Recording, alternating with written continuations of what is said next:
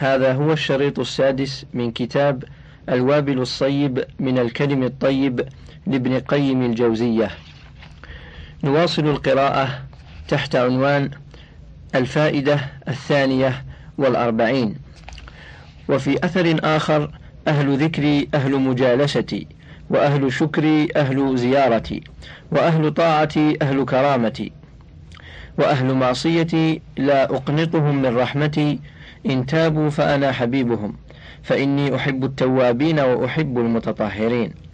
وإن لم يتوبوا فأنا طبيبهم أبتليهم بالمصائب لأطهرهم من المعايب. والمعصية الحاصلة للذاكر معية لا يشبهها شيء وهي أخص من المعية الحاصلة للمحسن والمتقي وهي معية لا تدركها العبارة ولا تنالها الصفة.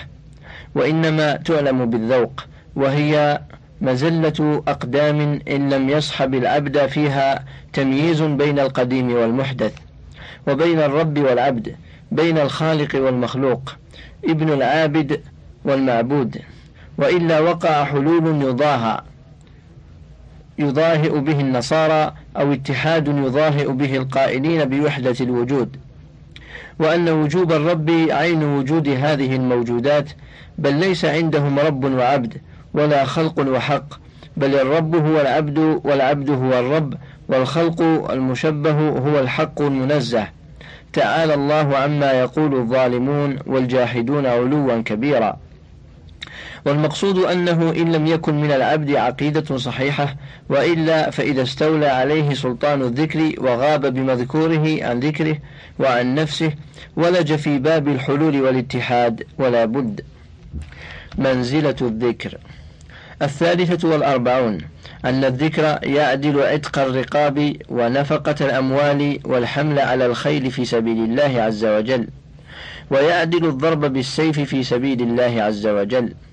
وقد تقدم أن من قال في يوم في يوم مئة مرة لا إله إلا الله وحده لا شريك له له الملك وله الحمد وهو على كل شيء قدير كانت له عدل عشر رقاب وكتبت له مئة حسنة ومحيت عنه مئة سيئة وكانت له حرزا من الشيطان يومه حتى يمسي. الهامش ضاهأه شابهه وفعل مثل فعله. والحديث سبق تخريجه. الحديث وذكر ابن أبي الدنيا عن الأعمش عن سالم بن أبي الجعد. الهامش سالم ابن أبي الجعد ثقة مشهور من التابعين. ذكره ابن حجر في طبقات المدلسين. انتهى الهامش. قال قيل لأبي الدرداء إن رجلا أعتق مئة نسمة. قال إن مئة نسمة من مال من مال رجل كثير. وأفضل من ذلك وأفضل إيمان منزوم بالليل والنهار. ألا يزال لسان أحدكم رطبا من ذكر الله عز وجل. وقال ابن مسعود لأن أسبح الله تعالى تسبيحات أحب إلي من أن أنفق عددهن دنانير في سبيل الله عز وجل. وجلس عبد الله بن عمرو وعبد الله بن مسعود فقال عبد الله سبحان الله والحمد لله ولا إله إلا الله والله أكبر أحب إلي من أن أنفق عددهن دنانير في سبيل الله عز وجل. فقال عبد الله بن عمرو لأن أجد في طريق فأقول فأقولهن أحب إلي من أن أحمل عددهن على الخير في سبيل الله على الخيل في سبيل الله عز وجل. وقد تقدم حديث أبي الدرداء قال قال رسول الله صلى الله عليه وآله وسلم ألا أنبئكم بخير أعمالكم وأزكاها عند مليككم وأرفعها في درجاتكم وخير لكم من إنفاق الورق والذهب وخير لكم من أن تلقوا عدوكم فتضربوا أعناقهم ويضربوا أعناقكم قالوا بلى يا رسول الله. قال اذكروا الله. رواه ابن ماجة والترمذي وقال الحاكم صحيح الإسناد. الهامش سبق تخريجه. انتهى الهامش. الرابعة والأربعون. أن الذكر رأس الشكر فما شكر الله تعالى من لم يذكره. وذكر البيهقي عن زيد بن أسلم أن موسى عليه السلام قال رب قد أنعمت علي كثيرا فدلني على أن أشكرك كثيرا. قال اذكرني كثيرا فإذا ذكرتني كثيرا فقد شكرتني كثيرا. وإذا نسيتني فقد كفرتني. وقد ذكر البيهقي أيضا في شعب الإيمان عن عبد الله بن سلام قال قال موسى عليه السلام يا رب ما الشكر الذي ينبغي لك؟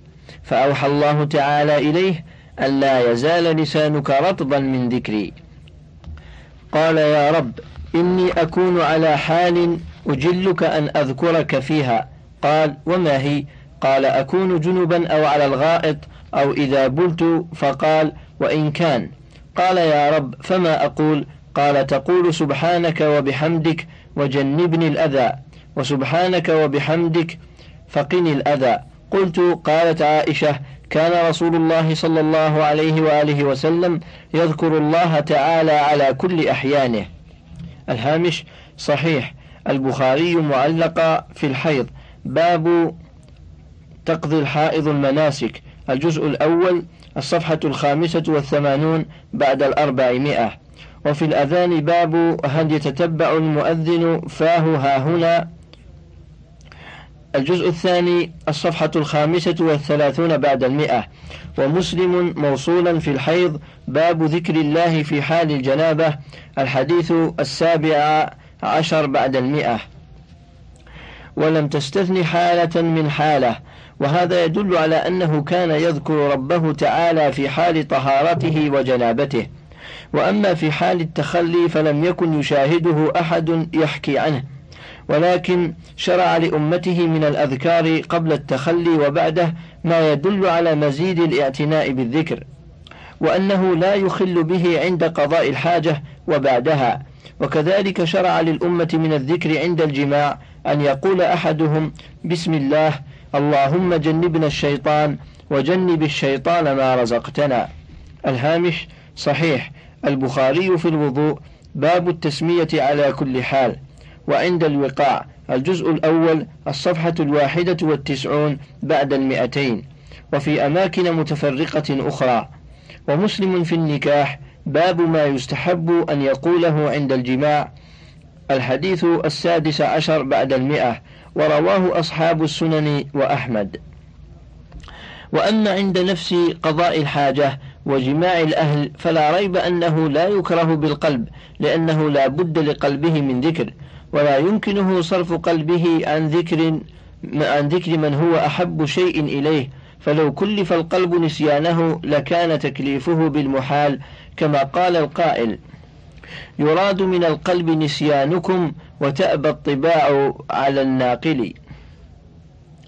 فأما الذكر باللسان على هذه الحالة فليس مما شرع لنا ولا ندبنا إليه ولا ندبنا إليه رسول الله صلى الله عليه وسلم ولا نقل عن أحد من الصحابة رضي الله عنهم. وقال عبد الله بن أبي الهذيل إن الله تعالى ليحب أن يذكر في السوق ويحب أن يذكر على كل حال إلا على الخلاء.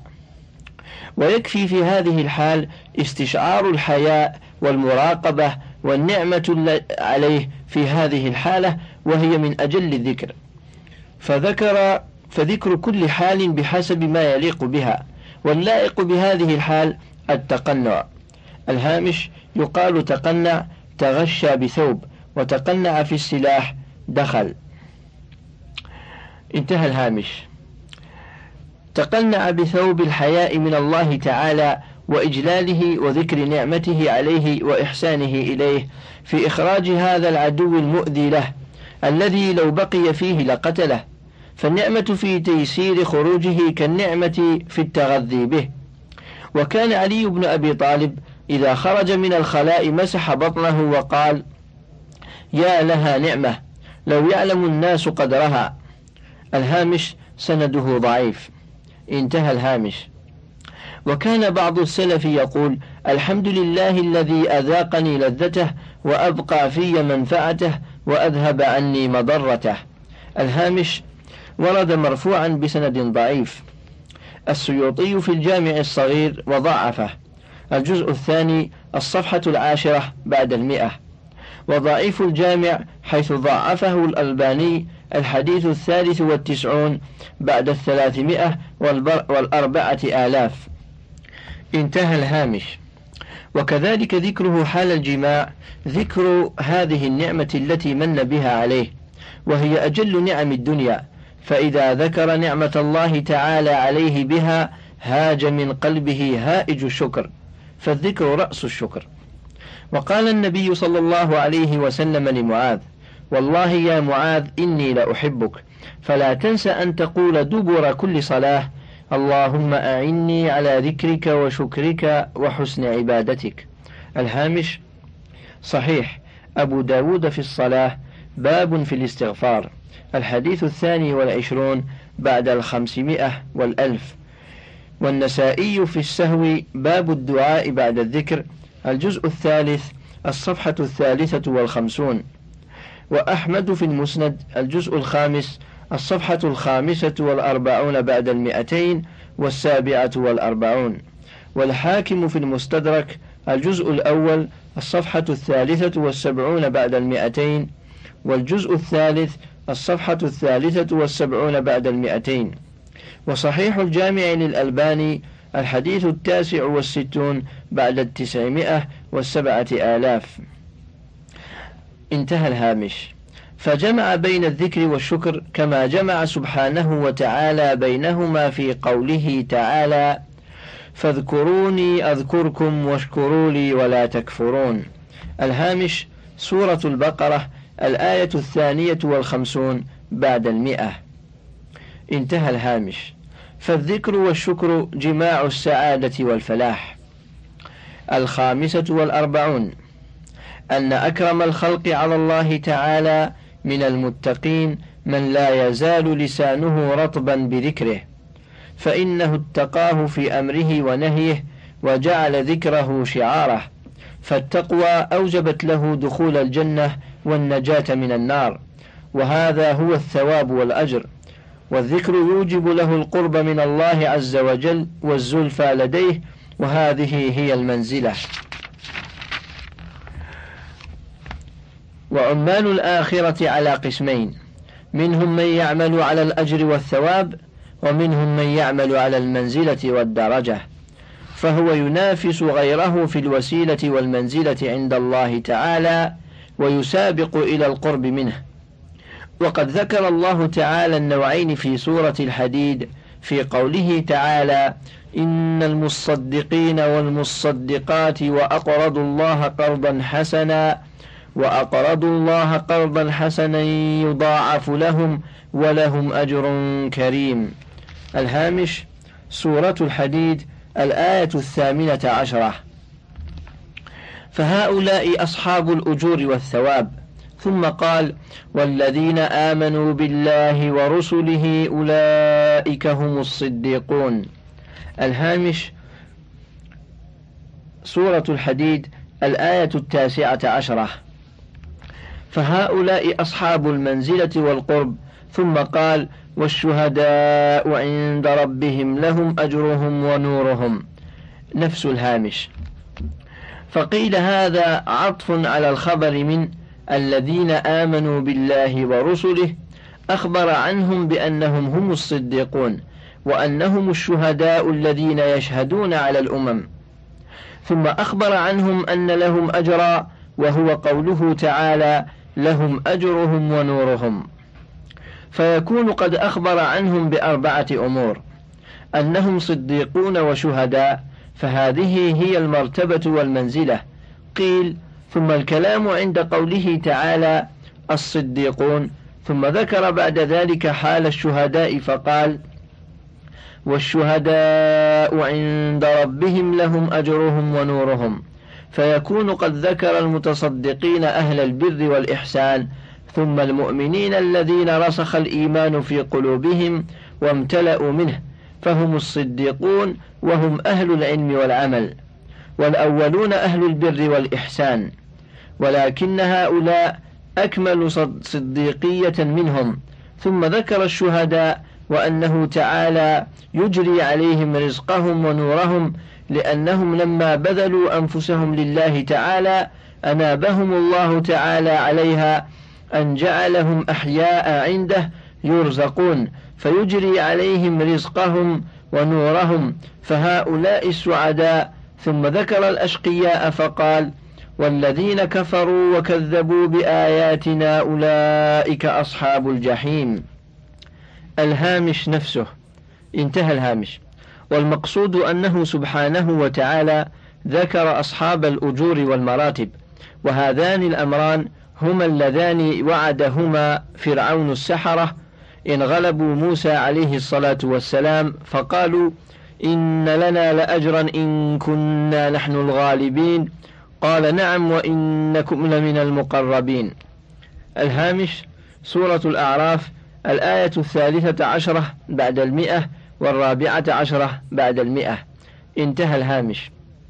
أي أجمع أجمع لكم بين الأجر والمنزلة عندي والقرب مني. فالعمال عملوا على الأجور والعارفون عملوا على المراتب والمنزلة والزلفى عند الله. وأعمال هؤلاء القلبية أكثر من أعمال أولئك. وأعمال أولئك البدنية قد تكون أكثر من أعمال هؤلاء. وذكر البيهقي عن محمد بن كعب القرظي رحمه الله رحمه الله تعالى قال قال موسى عليه السلام يا رب أي خلقك أكرم عليك؟ قال الذي لا يزال لسانه رطبا بذكري. قال يا رب فأي خلقك أعلم؟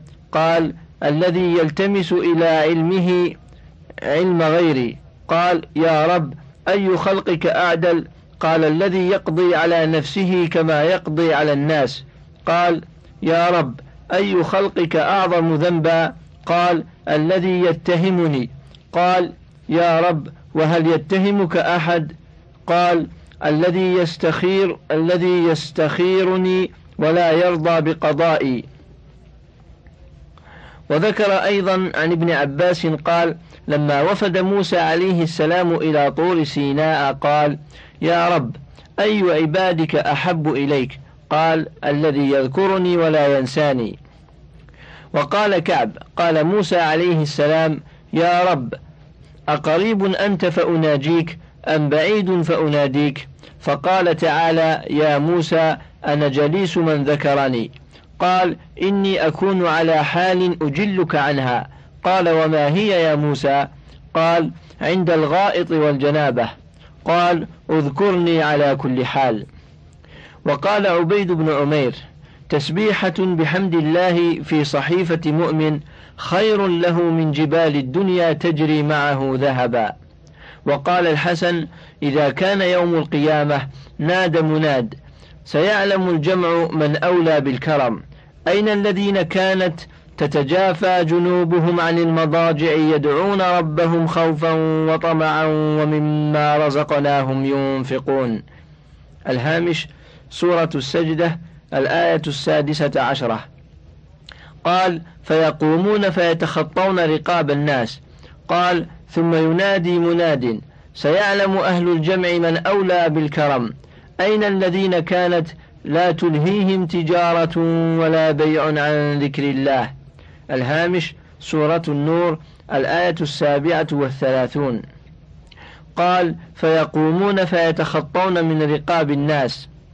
قال ثم ينادي مناد وسيعلم أهل الجمع من أولى بالكرم. أين الحمادون لله على كل حال؟ قال فيقومون وهم كثير. ثم يكون التنعيم والحساب في من بقي. الهامش انظر تفسير ابن كثير الجزء الثالث الصفحة الستون بعد الأربعمائة. وأتى رجل أبا مسلم الخولاني فقال أذكر فقال له أوصني يا أبا مسلم. قال أذكر الله تعالى تحت كل شجرة ومدرة. الهامش المدرة أو المدر الطين اللزج المتماسك والقطعة منه مدرة. وهي القرية المبنية بالطين واللبن. فقال زدني. فقال اذكر الله تعالى حتى يحسبك الناس من ذكر الله تعالى مجنونا. قال وكان أبو مسلم يكثر ذكر الله تعالى. فرآه رجل وهو يذكر الله تعالى فقال أمجنون صاحبكم هذا؟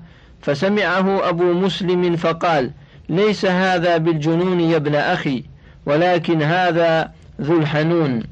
الهامش الحنون الشفيق والحنين الشوق.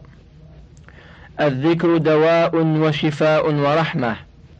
السادسة والأربعون أن في القلب قسوة لا يذيبها إلا ذكر الله تعالى.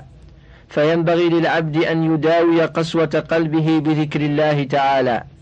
وذكر حماد بن زيد عن المعلى بن زياد أن رجلا قال للحسن يا أبا سعيد أشكو إليك قسوة قلبي. قال أذبه بالذكر.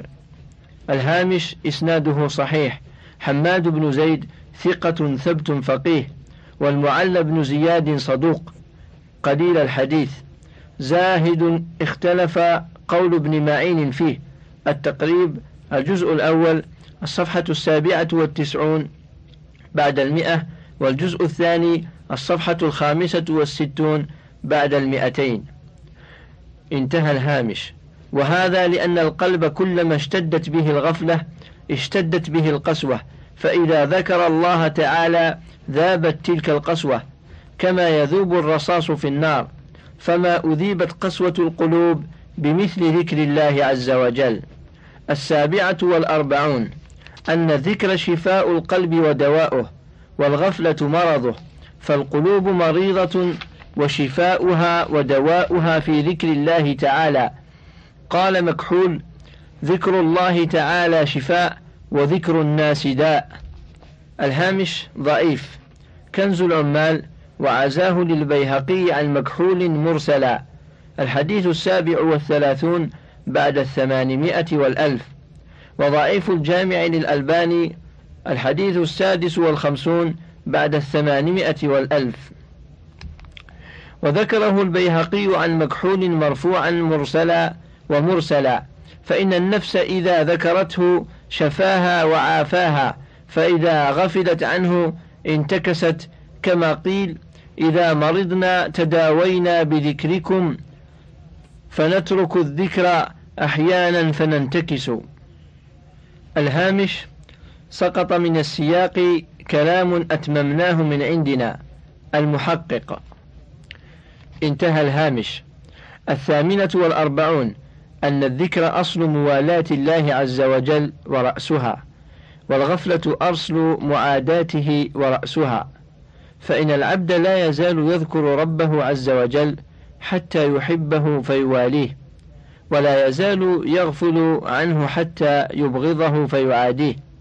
قال الأوزاعي قال حسان بن عطية ما عاد عبد ربه بشيء أشد عليه من أن يكره ذكره أو من يذكره. فهذه المعاداة سببها الغفلة ولا تزال بالعبد حتى يكره ذكر الله ويكره من يذكره. فحينئذ يتخذه عدوا كما اتخذ الذاكر وليا. التاسعة والأربعون. أنه ما استجيبت نعم الله ما استجلبت نعم الله عز وجل واستدفعت نقمه بمثل ذكر الله تعالى. فالذكر جلاب للنعم دافع للنقم. قال سبحانه وتعالى إن الله يدافع عن الذين آمنوا. الهامش سورة الحج الآية الثامنة والثلاثون. انتهى الهامش. وفي القراءة الأخرى إن الله يدفع. الهامش قرأ ابن كثير وأبو عمرو إن الله يدفع بغير ألف. بينما قرأها نافع وابن عامر وعاصم وحمزة والكسائي بالألف. انظر السبعة في القراءات لابن مجاهد. تحقيق الدكتور شوقي ضيف. انتهى الهامش. فدفعه ودفاعه عنهم بحسب قوة إيمانهم وكماله. ومادة الإيمان وقوته بذكر الله تعالى. فمن كان أكمل إيمانا وأكثر ذكرا كان دفع الله تعالى عنه ودفاعه أعظم. ومن نقص نقص. ذكرا بذكر ونسيانا بنسيان. وقال سبحانه وتعالى وإذ تأذن ربك لئن شكرتم لأزيدنكم. الهامش سورة إبراهيم الآية السابعة. انتهى الهامش. والذكر رأس الشكر كما تقدم. والشكر جلاب النعم وموجب للمزيد. قال بعض السلف رحمة الله عليهم ما أقبح الغفلة عن ذكر الله من لا يغفل عن ذكرك. الخمسون أن الذكر يوجب صلاة الله تعالى عز وجل وملائكته على الذاكر. ومن صلى الله تعالى عليه وملائكته فقد أفلح كل الفلاح وفاز كل الفوز. قال سبحانه وتعالى يا أيها الذين آمنوا اذكروا الله ذكرا كثيرا وسبحوه بكرة وأصيلا. هو الذي يصلي عليكم وملائكته ليخرجكم من الظلمات إلى النور وكان بالمؤمنين رحيما. الهامش سورة الأحزاب الآية الواحدة والأربعون إلى الثالثة والأربعين. انتهى الهامش. فهذه الصلاة منه تبارك وتعالى ومن ملائكته إنما هي سبب الإخراج لهم من الظلمات إلى النور. وإذا حصلت لهم الصلاة من الله تبارك وتعالى وملائكته وأخرجوا وأخرجوهم من الظلمات إلى النور فأي خير لم يحصل لهم وأي شر لم يندفع عنهم. فيا حسرة الغافلين عن ربهم ماذا حرموا من خيره وفضله؟ وبالله التوفيق. الحادية والخمسون أن من شاء أن يسكن رياض الجنة في الدنيا فليستوطن مجالس الذكر فإنها رياض الجنة. وقد ذكر ابن أبي الدنيا وغيره من حديث جابر بن عبد الله قال خرج علينا رسول الله صلى الله عليه وسلم فقال يا أيها الناس ارتعوا في رياض الجنة. قلنا يا رسول الله وما رياض الجنة؟ قال مجالس الذكر. ثم قال اغدوا وروحوا واذكروا. فمن كان يحب أن يعلم منزلته عند الله تعالى فلينظر كيف منزلة الله تعالى عنده. فإن الله تعالى ينزل العمل منه حيث أنزله من نفسه. الهامش في إسناده ضعف. الحاكم في المستدرك وصححه وتعقبه الذهبي بقوله عمر ضعيف. الجزء الأول الصفحة الرابعة والتسعون بعد الأربعمائة. والهيثمي في مجمع الزوائد وقال رواه أبو يعلى والبزار والطبراني في الأوسط وفيه عمر بن عبد الله مولى غفرة وقد وثقه غير واحد وضعفه جماعة وبقية رجالهم رجال الصحيح. الجزء العاشر الصفحة الثمانون. انتهى الهامش. الفائدة الثانية والخمسون. أن مجالس الذكر مجالس الملائكة فليس من مجالس الدنيا لهم مجلس إلا مجلس يذكر الله تعالى فيه. كما أخرجنا في الصحيحين من حديث الأعمش عن أبي صالح عن أبي هريرة قال قال رسول الله صلى الله عليه وسلم إن لله ملائكة فضلا عن كتاب الناس يطوفون في الطرق يلتمسون أهل الذكر. فإذا وجدوا قوما يذكرون الله تعالى تنادوا هلموا إلى حاجتكم. قال فيحفونهم بأجنحتهم إلى السماء الدنيا. قال فيسألهم ربهم تعالى وهو أعلم بهم ما يقول عبادي؟ قال يقولون يسبحونك ويكبرونك ويحمدونك. قال فيقول هل رأوني؟ قال فيقولون لا والله ما رأوك. قال فيقول كيف رأ لو رأوني؟ قال فيقولون لو رأوك كانوا أشد لك عبادة وأشد لك تحميدا وتمجيدا وأكثر لك تسبيحا. قال فيقول ما يسألوني؟ قال يسألونك الجنة. قال يقول وهل رأوها؟ قال يقولون لا والله يا رب. ما رأوها؟ قال فيقول فكيف لو أنهم رأوها؟ قال يقولون لو أنهم رأوها كانوا أشد عليها حرصا وأشد لها طلبا وأعظم فيها رغبة. فيقول فمما يتعوذون؟ قال يقولون من النار. قال يقول وهل رأوها؟ قال يقولون لا والله يا رب ما رأوها. قال يقول فكيف لو رأوها؟ قال يقولون لو رأوها كانوا أشد منها فرارا وأشد لها مخافة. قال يقول فأشهدكم أني قد غفرت لهم فيقول ملك من الملائكة فيهم فلان ليس منهم إنما جاء لحاجة. قال هم الجلساء لا يشقى بهم جليسهم. الهامش صحيح البخاري في الدعوات باب فضل ذكر الله. الجزء الحادي عشر الصفحة الثانية عشرة بعد المئتين. ومسلم في الذكر والدعاء باب فضل مجالس الذكر بلفظ هم القوم. الحديث الخامس والعشرون. وقوله فضل معناه أنهم ملائكة زائدون على الحفظة وغيرهم من المرتبين مع الخلائق فهؤلاء الملائكة لا وظيفة لهم وإنما مقصودهم حلق الذكر. انتهى الهامش. فهذا من بركتهم على نفوسهم وعلى جليسهم فلهم نصيب من قوله وجعلني مباركا أينما كنت الهامش سورة مريم الآية الواحدة والثلاثون. انتهى الهامش. فهكذا المؤمن مبارك أين حل؟ والفاجر مشؤوم أين حل؟ فمجالس الذكر مجالس الملائكة ومجالس الغفلة مجالس الشياطين. وكل مضاف إلى شكله وأشباهه وكل امرئ يصير إلى ما يناسبه.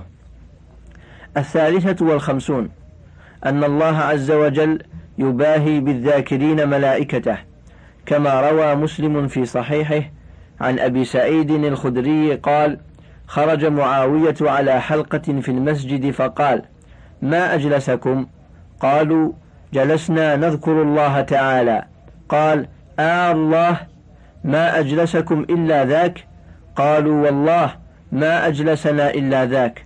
قال أما إني لم أستحلفكم تهمة لكم وما كان أحد بمنزلتي من رسول الله صلى الله عليه وسلم أقل عنه حديثا مني. وإن رسول الله صلى الله عليه وسلم خرج على حلقة من أصحابه فقال ما أجلسكم؟ قالوا جلسنا نذكر الله تعالى ونحمده على ما هدانا للإسلام ومن علينا بك. قال آه الله ما أجلسكم إلا ذاك. قالوا والله ما أجلسنا إلا ذاك. قال أما إني لم أستحلفكم تهمة لكم ولكنه أتاني جبريل فأخبرني أن الله تبارك وتعالى يباهي بكم الملائكة. الهامش صحيح. مسلم في الذكر والدعاء باب فضل الاجتماع على تلاوة القرآن وعلى الذكر. الحديث الأربعون. وتهمة أي الظن بكم. انتهى الهامش. فهذه المباهاة من الرب تبارك وتعالى دليل على شرف الذكر عنده ومحبته له وأن له مزية على غيره من الأعمال. الرابعة والخمسون. أن مدمن الذكر يدخل الجنة وهو يضحك. لما ذكر ابن أبي الدنيا عن عبد الرحمن بن مهدي عن معاوية بن صالح عن عبد الرحمن بن جبير بن نفير الحضرمي عن أبيه عن أبي الدرداء قال الذين لا تزال ألسنتهم رطبة من ذكر الله عز وجل يدخل أحدهم الجنة وهو يضحك. الهامش إسناده صحيح موقوفا على أبي الدرداء لكن ورد مرفوعا عن أبي الدرداء أيضا في كتاب الثواب لأبي الشيخ. وضعفه الألباني وضعف الألباني الرواية المرفوعة. انظر ضعيف الجامع. الحديث الثامن والستون بعد التسعمائة والأربعة آلاف. الخامسة والخمسون. أن جميع الأعمال إنما شرعت إقامة لذكر الله تعالى والمقصود بها تحصيل ذكر الله تعالى. قال سبحانه وتعالى وأقم الصلاة لذكري. الهامش سورة طه الآية الرابعة عشرة. قيل المصدر مضاف إلى الفاعل أي لأذكرك بها وقيل مضاف إلى المذكور أي لتذكروني بها واللام على هذا لام التعليل وقيل هي اللام الوقتية أي أقم الصلاة عند ذكري كقوله أقم الصلاة لدلوك الشمس. الهامش سورة الإسراء الآية الثامنة والسبعون. انتهى الهامش. وقوله تعالى ونضع الموازين القسط ليوم القيامة الهامش سورة الأنبياء الآية السابعة والأربعون. انتهى الهامش. وهذا المعنى يراد بالآية لكن تفسيرها به يجعل معناها فيه نظر لأن هذه اللام الوقتية يليها أسماء الزمان والظروف والذكر مصدر إلا أن يقدر زمان محذوف. أي عند وقت ذكري وهذا محتمل. والأظهر أنها لام التعليل أي أقم الصلاة لأجل ذكري. ويلزم من هذا أن تكون إقامتها عند ذكره. وإذا ذكر العبد ربه فذكر الله تعالى سابق على ذكره. فذكر الله تعالى سابق على ذكره. فإنه لما ذكره ألهمه ذكره. فالمعنى الث... فالمعاني الثلاثة حق. وقال سبحانه وتعالى أتل ما أوحي إليك من الكتاب وأقم الصلاة إن الصلاة تنهى عن الفحشاء والمنكر ولذكر الله أكبر. الهامش سورة العنكبوت الآية الخامسة والأربعون. انتهى الهامش. فقيل المعنى أنكم في الصلاة تذكرون الله وهو ذاكر وهو ذاكر من ذكره. ولذكر الله تعالى إياكم أكبر من ذكركم إياه. وهذا يروى عن ابن عباس وسلمان وأبي الدرداء وابن مسعود رضي الله عنهم. وذكر ابن أبي الدنيا عن فضيل بن مرزوق عن عطية ولذكر الله أكبر قال هو قوله تعالى فاذكروني أذكركم. فذكر الله تعالى لكم أكبر من ذكركم إياه. فذكر الله تعالى لكم أكبر من ذكركم إياه. وقال ابن زيد وقتاده معناه ولذكر الله أكبر من كل شيء. وقيل لسلمان أي الأعمال أفضل؟ فقال أما تقرأ القرآن ولذكر الله أكبر. ويشهد لهذا الحديث ويشهد لهذا حديث أبي الدرداء المتقدم ألا أنبئكم بخير أعمالكم وأزكاها عند مليككم؟ وخير لكم من إنفاق الذهب والورق الحديث. وكان شيخ الإسلام أبو العباس قدس الله روحه يقول الصحيح أن معنى الآية أن الصلاة فيها مقصودان عظيمان وأحدهما أعظم من الآخر فإنها تنهى عن الفحشاء والمنكر وهي مشتملة على ذكر الله تعالى. ولما فيها من ذكر الله أعظم من نهيها عن الفحشاء والمنكر. وذكر ابن أبي الدنيا عن ابن عباس أنه سئل أي العمل أفضل؟ قال ذكر الله أكبر.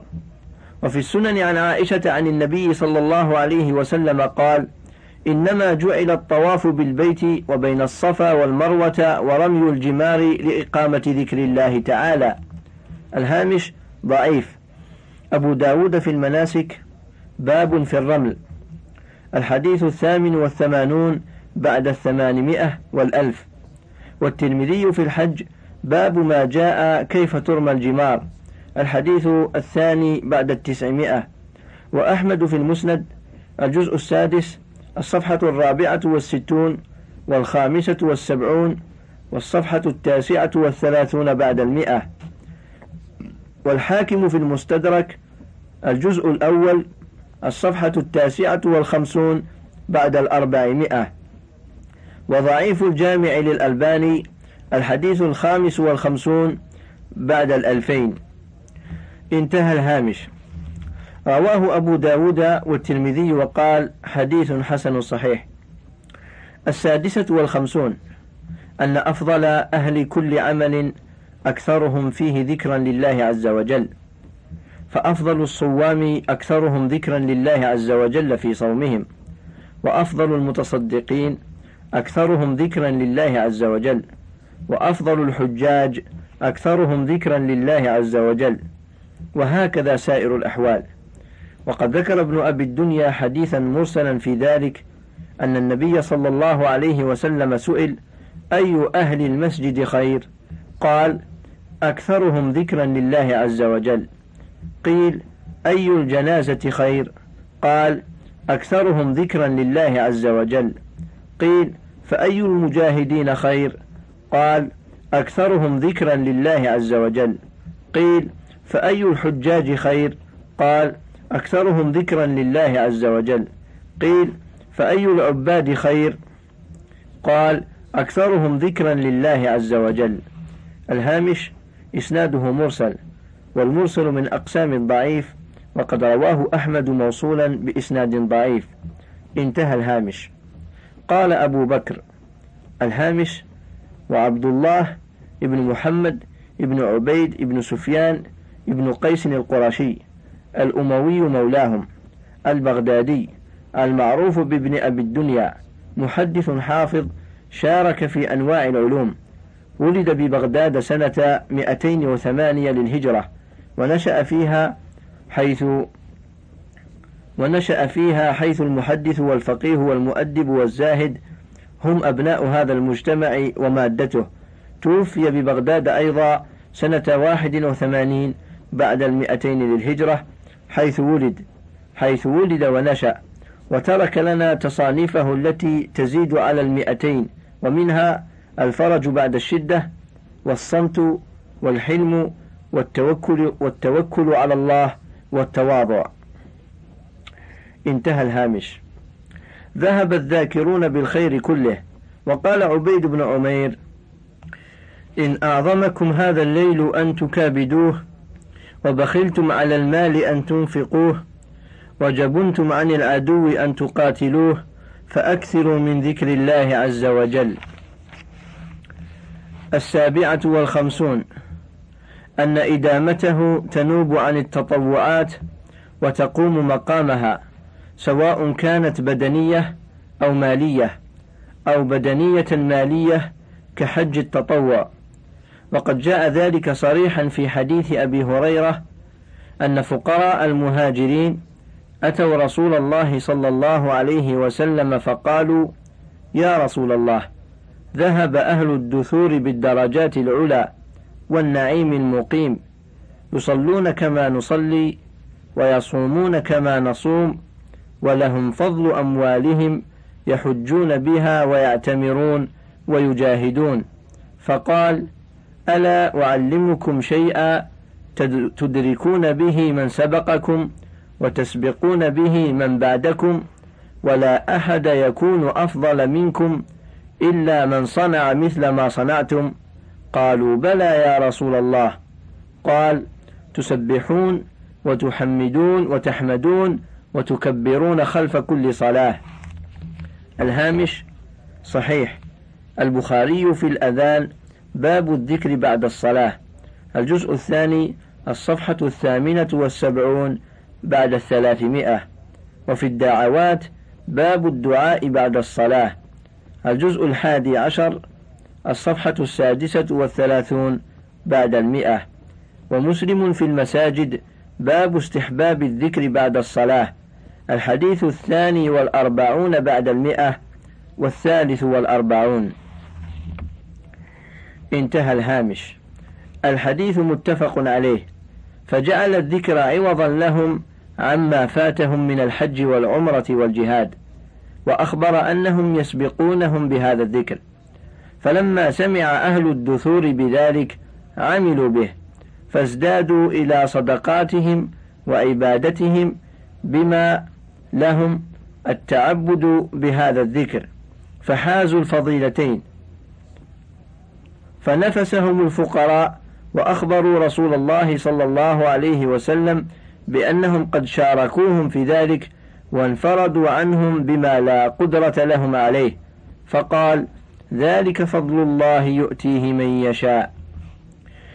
وفي حديث عبد الله بن بسر قال جاء أعرابي فقال يا رسول الله كثرت علي خلال الإسلام وشرائعه فأخبرني بأمر جامع يكفيني.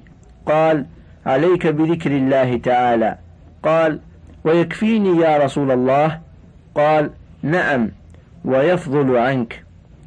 الهامش سبق تخريجه من حديث عبد الله بن بسر بلفظ آخر.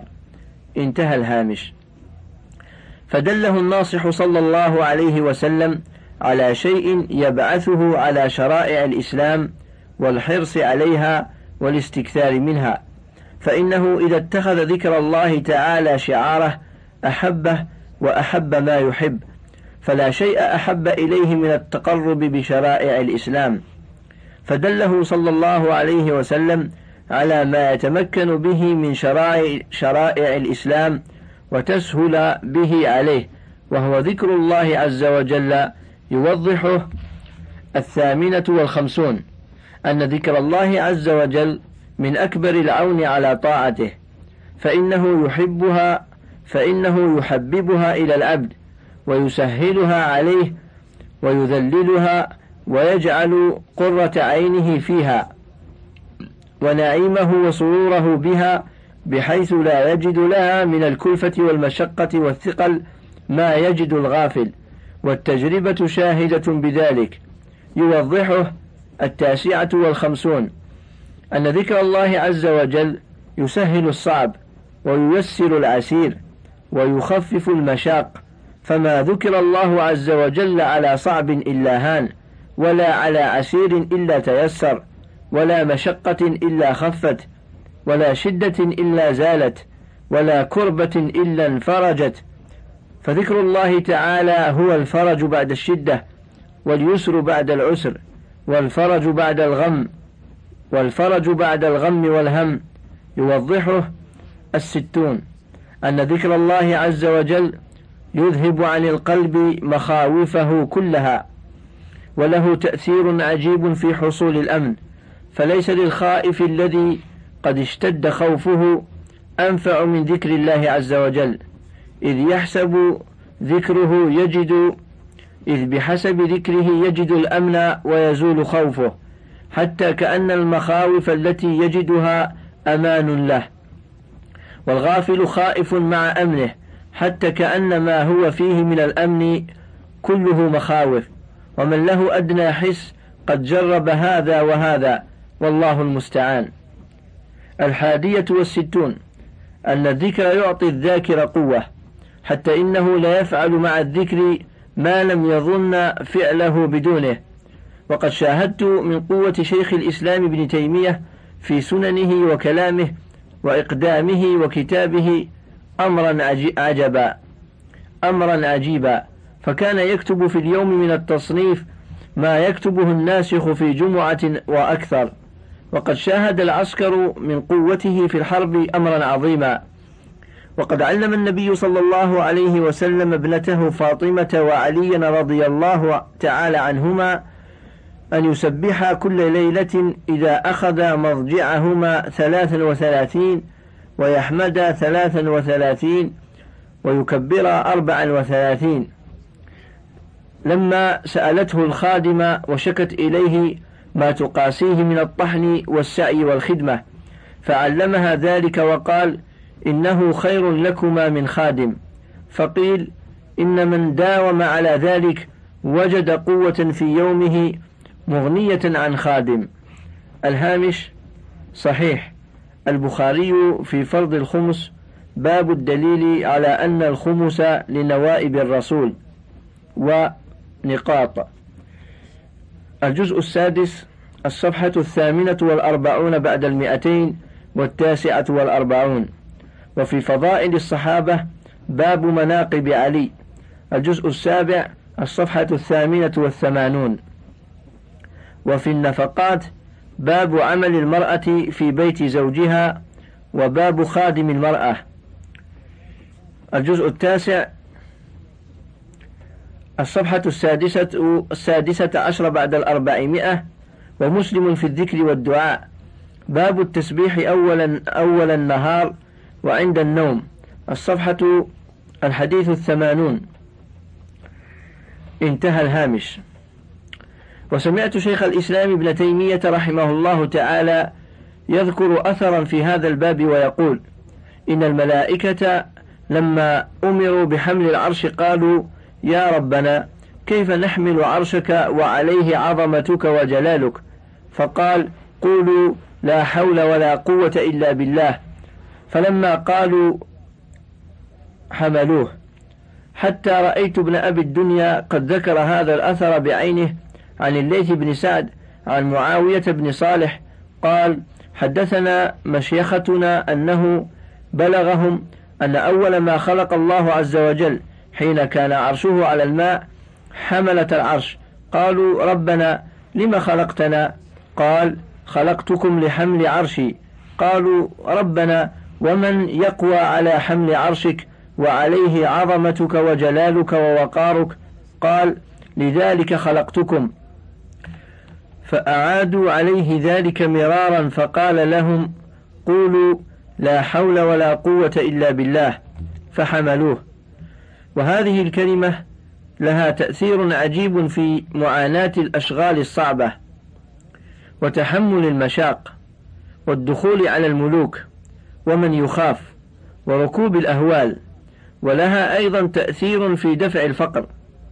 كما روى ابن أبي الدنيا عن الليث بن سعد عن معاوية بن صالح عن أسد بن وداعة رضي الله تعالى عنه قال قال رسول الله صلى الله عليه وسلم من قال لا حول ولا قوة إلا بالله مئة مرة في كل يوم لم يصبه فقر أبدا.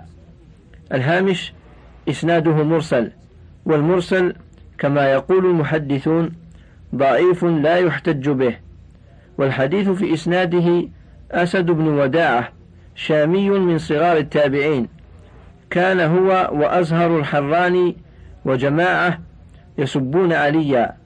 انظر ميزان الاعتدال. الجزء الجزء الأول الصفحة السابعة بعد المئتين. انتهى الهامش.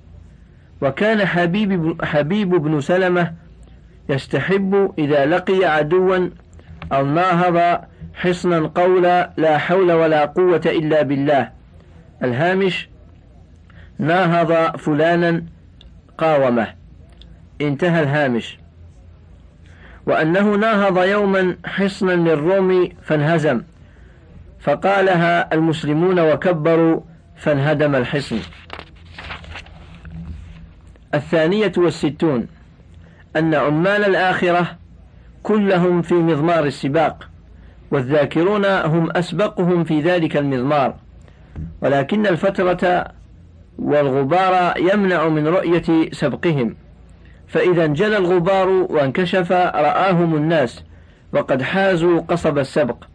قال الوليد بن مسلم قال محمد بن عجلان سمعت عمر مولى غفرة يقول إذا انكشف الغطاء للناس يوم القيامة عن ثواب أعمالهم لم يروا عملا أفضل ثوابا من الذكر. فيتحسر عند ذلك أقوام فيقولون ما كان شيء أيسر علينا من الذكر. الهامش في إسناده ضعف. الوليد بن مسلم قال فيه الحافظ في التقريب ثقة ولكنه كثير التدليس والتسوية. الجزء الثاني الصفحة السادسة والثلاثون بعد الثلاثمائة. ومحمد بن عجلان صدوق إلا أنه اختلطت عليه أحاديث أبي هريرة. الجزء الثاني الصفحة التسعون بعد المئة. أما عمر بن عبد الله مولى غفرة فهو ضعيف وكان كثير الإرسال. الجزء الثاني الصفحة التاسعة والخمسون. انتهى الهامش. وقال أبو هريرة قال رسول الله صلى الله عليه وسلم سيروا سبق المفردون أو المفردون. قالوا وما المفردون؟ قال الذين اهتروا في ذكر الله تعالى يضع الذكر عنهم أوزارهم. اهتروا بالشيء وفيه أولعوا به ولزموه وجعلوه دأبهم. وفي بعض ألفاظ الحديث المستهترون بذكر الله. الهامش ضعيف. الترمذي في الدعوات باب في العفو والعافية. الحديث السادس والتسعون بعد الخمسمائة وثلاثة آلاف. والحاكم في المستدرك الجزء الأول الصفحة الخامسة والتسعون بعد الأربعمائة. والسيوطي في الجامع الصغير الجزء الثاني الصفحة الثالثة والثلاثون. وضعيف الجامع للألباني الحديث الأربعون بعد المئتين والثلاثة آلاف. انتهى الهامش. ومعناه الذين أولعوا به يقال استهتر فلان بكذا إذا ولع به. وفيه تفسير آخر أن اهتروا في ذكر الله أي كبروا. وهلك أقرانهم وهم في ذكر الله تعالى. يقال اهتر الرجل فهو مهتر إذا سقط في كلامه من الكبر.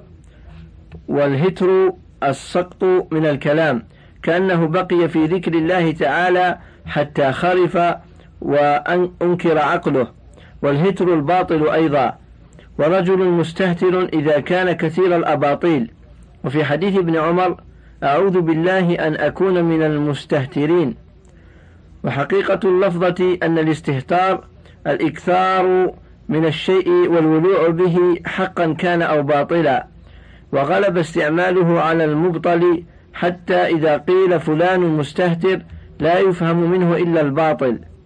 وإنما إذا قيد بشيء تقيد به. نحو هو مستهتر وقد أهتر في ذكر الله تعالى أي أولع به وأغري به. ويقال استهتر فيه وبه. وتفسير هذا في الأثر الآخر. أكثروا ذكر الله تعالى حتى يقال مجنون. الهامش سبق تخريجه. انتهى الهامش. انتهى الشريط السادس من كتاب الوابل الصيب من الكلم الطيب لابن قيم الجوزية. وللكتاب بقية على الشريط السابع.